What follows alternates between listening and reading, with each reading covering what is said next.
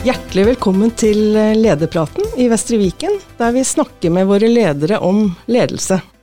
Mitt navn er Ellen Lysholm, og dagens gjest er Hilde Rundhaugen. Hilde er avdelingssykepleier i akuttmottaket på Ringerike sykehus. Velkommen til Lederpraten, Hilde. Tusen takk. Vi har jo invitert deg til å snakke om ditt fokus på å bygge et robust lederskap, og hvordan dere systematisk jobber med arbeidsmiljøet på akuttmottaket. Først, aller først, eh, kan du fortelle litt om deg selv? Ja, jeg er 48 år, gift, og har eh, to tenåringsgutter. Og så bor jeg i ei lita bygd nord for Hønfoss som heter Rådalen. Jeg er opptatt av å være sammen med familie og venner, og så elsker jeg å reise. Eh, ellers er jeg nok litt gammeldags husmor. Liker å lage mat og jobbe i hagen og kose meg med små oppussingsprosjekter. Eh, og så begynte jeg på Ringerike sykehus som sykepleierstudent. Jeg var ferdig utdanna i 99, eh, og da har jeg jobba på ulike sengeposter siden, og mesteparten av tida i akuttmottaket. Eh, og høsten 2016 så ble jeg konstituert avdelingssykepleier, noe som egentlig kom helt ut av det blå. Ja, sånn er det noen ganger. Uh, og fortell litt om det. Plutselig så var du leder. Uh, den gangen så var det meg og en nyansatt fagutviklingssykepleier. hun hadde jobba ett år i akuttmottaket, så jeg tror nok at vi følte oss utrygge i starten og mangla forståelse for de nye rollene vi hadde gått inn i og at uh, det ble mye nytt da, å sette seg inn i. Og uvant fra den ene dagen til den andre å skulle liksom lede kollegaer uh, som jeg hadde jobba med, og ja, i ti år, faktisk. Ja, det skjønner jeg, men uh, hva ble viktig for deg da? Jeg kan jo egentlig takke daværende avdelingssjef, som ga meg tid og rom, og anbefalte meg å vente med å lese funksjonsbeskrivelsen. Og så starta liksom eh, jobben da med å bygge stein for stein. Mm. Hvem er du som person? Mm, jeg er nok eh, følelsesstyrt. Eh, omsorgsmenneske, og det er vel derfor jeg valgte sykepleie. Eh, samtidig er jeg opptatt av rettferdighet. mange vil nok si at jeg er åpen og direkte. Pliktoppfyllende og nøye, og stiller store krav til meg sjøl, men også stor arbeidskapasitet, da, syns jeg. Eh, jeg er eh, handlekraftig, eh, men da også utålmodig, og det fører ofte til at jeg, jeg kan være impulsiv. Det her syns jeg er fryktelig skummelt, og jeg har nok en tendens til å være litt usikker på meg sjøl. Mm. Og hva er din lederfilosofi, da? Som sagt så var det jo tilfeldig at jeg ble leder. Eh, jeg liker ansvaret, ingen dag er kjedelig, og jeg lærer hele tida noe nytt. Jeg har kjent på at jeg savner pasientene, men uh, samtidig så må jeg liksom være opptatt av pasientsikkerhet, og det er noe vi tenker hele tida. Og jeg er med i faglige diskusjoner og har faktisk klart å holde meg faglig oppdatert nok, da, til at jeg kan være koordinator og sekretær, og det setter jeg pris på. Eh, jeg er opptatt av flokken min, eh, og ivareta de. Eh, nærledelse er viktig, og døra mi er alltid åpen. Ellers så ryddig og strukturert, og det er nødvendig i et akuttmottak at ting er på stell. Men samtidig så er jeg liksom opptatt av at vi må tåle endring og hyppige skifter. Og jeg liker å ha mange baller i lufta, og det er gøy når det skjer noe nytt.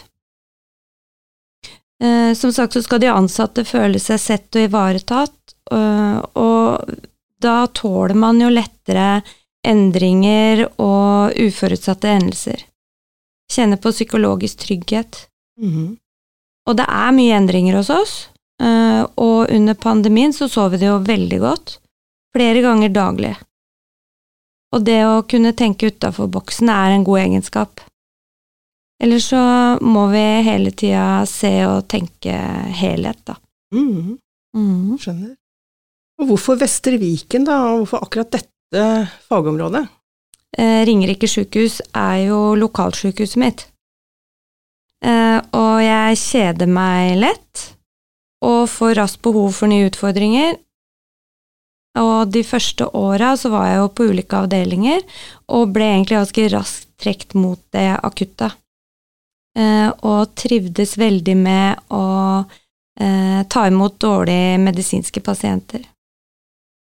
Det er en ekstrem variasjon, som jeg har nevnt, og det er akutte utfordringer daglig hos oss. Mm. Og så vet jeg at da du starta som leder, så var du opptatt av å sikre at du hadde robusthet og støtte i forhold til det faglige og administrative. Kan du fortelle litt om hvordan du gikk fram? Mm. Jeg så jo det veldig raskt at eh, det var kjempeviktig å ha et godt støtteapparat, og at jeg ikke kunne håndtere det aleine. Og siden da så har jeg liksom forsøkt å jobbe aktivt da, med å bygge eh, opp et stabilt og godt lederteam. Og nå har vi assisterende avdelingssykepleier i eh, 100 stilling, og fagstillinga er nå delt i to, så det er to 50% mellom to ansatte. Og jeg syns jeg har et godt trepartssamarbeid, og det er eh, verdifullt. Tilfeldigheter har òg gjort at jeg i tillegg har varaverneombud, og hovedtillitsvalgt for Sykepleierforbundet har fast arbeidsforhold i avdelinga. En av de ansatte har òg hatt eh, assisterende avdelingssykepleiervikariat, og en annen fagsykepleiervikariat. Og sammen, da, så gjør det her lederteamet mindre sårbart. Og det er mange i avdelinga som eh, ser lederperspektivet sammen med meg, eh, og mange jeg kan spille på. Så jeg føler meg egentlig veldig heldig. Mm, Så Mm. bra. Og du nevnte dette med trepartssamarbeid. Eh, Hvilket fokus hadde du i forhold til å få til det? Det tok litt tid før jeg skjønte viktigheten av det. Eh, Jeg kjente ofte at jeg liksom kom på etterskudd, og at det var mye snakk og lite tiltak. Og nå prøver vi liksom å ha dialogmøter da, som vi planlegger eh, med tillitsvalgt og verneombud hver 14 dag, og det referatføres. Det fungerer godt, altså. Så bra. Kan du si noe om hvilken effekt eller hva, hvilke resultater dere har fått til i forhold til dette? Um, vi kan være i forkant av de utfordringene vi har. Uh, og jeg kommer raskere på banen uh, og kan uh, ha ekstraordinære personalmøter som har fungert godt. Og så ser vi sammen ting fra flere og ulike sider. Vi diskuterer jo, og det er jo bra. Vi kommer ofte fram eh, til det beste, eh, og jeg må liksom si at vi, vi både bremser og pusher hverandre og at den eh, involveringa gir innsikt. Og det syns jeg jo at akuttmottaket bærer preg av. Så bra. Og hva har du delegert? Eh, det er jo selvfølgelig en balansegang da, mellom jobbautonomi og kontroll. Og jeg har etter hvert fått tillit, eh, og de har nok fått tillit til meg også. Eh, og det, de har bidratt, og jeg syns de har innfridd på en fantastisk måte. På de siste personalmøtene har jeg kjent på at jeg har sittet mer tilbakelent, mens de andre har bidratt aktivt i forhold til mange ting. Eh, De har hatt gjennomgang av forbedringsundersøkelsen, handlingsplan, eh, Grønt kors, og vi har snakka om arbeidsmiljø og kommunikasjon. Info om Akan før julesesongen kom fra verneombudet. Eh, koordinat, koordinatorfunksjonen har vi tatt sammen. Assisterende avdelingssykepleier har liksom sammen med meg snakka mye om turnus og sommerferieavvikling. Um, og eh, vi har en kollegastøtteveiledning med, som drives av fire ansatte. Et sånn lavterskeltilbud, da, for det er jo viktig å kunne ventilere. Eh, fagutviklingssykepleierne snakker mye om fag, så det er ikke bare jeg som sitter og prater. Og det gjør nok at de andre ansatte òg tør opp. Mhm. Så vi får gode diskusjoner på personalmøtene, og vi kan liksom ta beslutninger da. Høres bra ut. Mm. Det er bra. Eh, jeg gir også lederteamet ansvar, eh, men også koordinator leder eh, morgenmøtene. Og de unge og nye hos oss, de underviser og bidrar tidlig faglig på de tinga som de er trygge på, da. Som ofte de som har jobba hos oss lenge, kanskje ikke kjenner så godt til.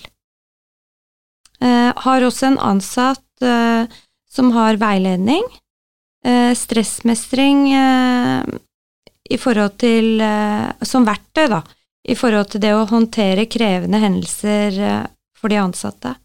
Og eh, det har både lederteamet vært igjennom, men også alle nye og de andre ansatte har hatt det på fagdag. Bra. Setter sammen grupper. Mm. Og så har jeg hørt, dette er jeg veldig nysgjerrig på, Hilde, jeg har hørt at dere bruker det grønne korset eh, på en smart måte knyttet til arbeidsmiljø også. Kan du fortelle litt om det? Mm. Vi har skåret godt på arbeidsmiljø eh, i forbedringsundersøkelsen. Eh, og jeg tror vi har et godt rykte, eh, og vi rekrutterer godt. Eh, og vi bruker Det grønne korset aktivt. Og Det grønne korset sier noe om ivaretagelsen av pasientsikkerheten på de ulike vaktene gjennom døgnet.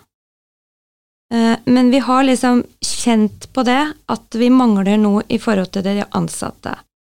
I starten så hadde vi to kors. Et drift og et som omhandla pasientsikkerhet. Og med forslag fra verneombud og tillitsvalgt så har vi de siste to månedene hatt en eh, psykososial kalender. Og den viser ansatteperspektivet, da, kontra Grønt Kors, som uh, har pasienten i fokus.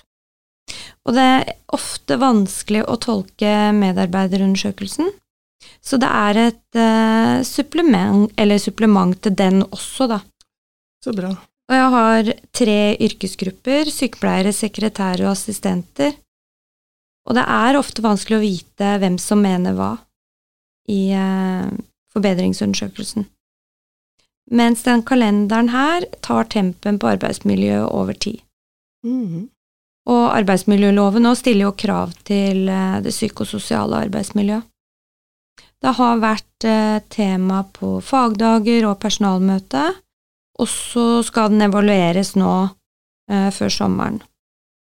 Eh, og det siste innspillet fra verneombudet var at de skal lage en kort rapport, oppsummering, hver måned, Sånn at de ansatte ser at de, det de registrerer, blir sett, og at vi også får en oversikt i forhold til om det er noe vi bør ta tak i. Mm, så bra. Eh, hva, hva, inneholder den kalenderen, da? Altså, hvordan har dere bygget den opp? Jeg ser at du har, har den med her. Ja, Um, den uh, har 15 uh, psykososiale faktorer. Og alle kan skrive på den, og den er anonym. Den er delt inn uh, hvert døgn inn i dag, aften, natt. Og så oppfordres de da til å si noe om de vanskelige tinga kollektivt, eller snakke med meg. Eh, assisterende eller kollegastøttegruppa. Og det gjelder jo spesielt da konflikter og dårlig stemning. Og emosjonelt belastende hendelser, som også er faktorer, da. Mm. Ja, kan du si noe om hva de 15 faktorene dreier seg om? Eh, er delt i to, egentlig. Åtte positive faktorer og sju negative. Mm. De åtte positive omhandler god kommunikasjon og teamfølelse, godt samarbeid, faglig trening, god stemning, at man har lært noe nytt, støtte fra kollega, mulighet for debrief og gode tilbakemeldinger fra kollegaer. Mm.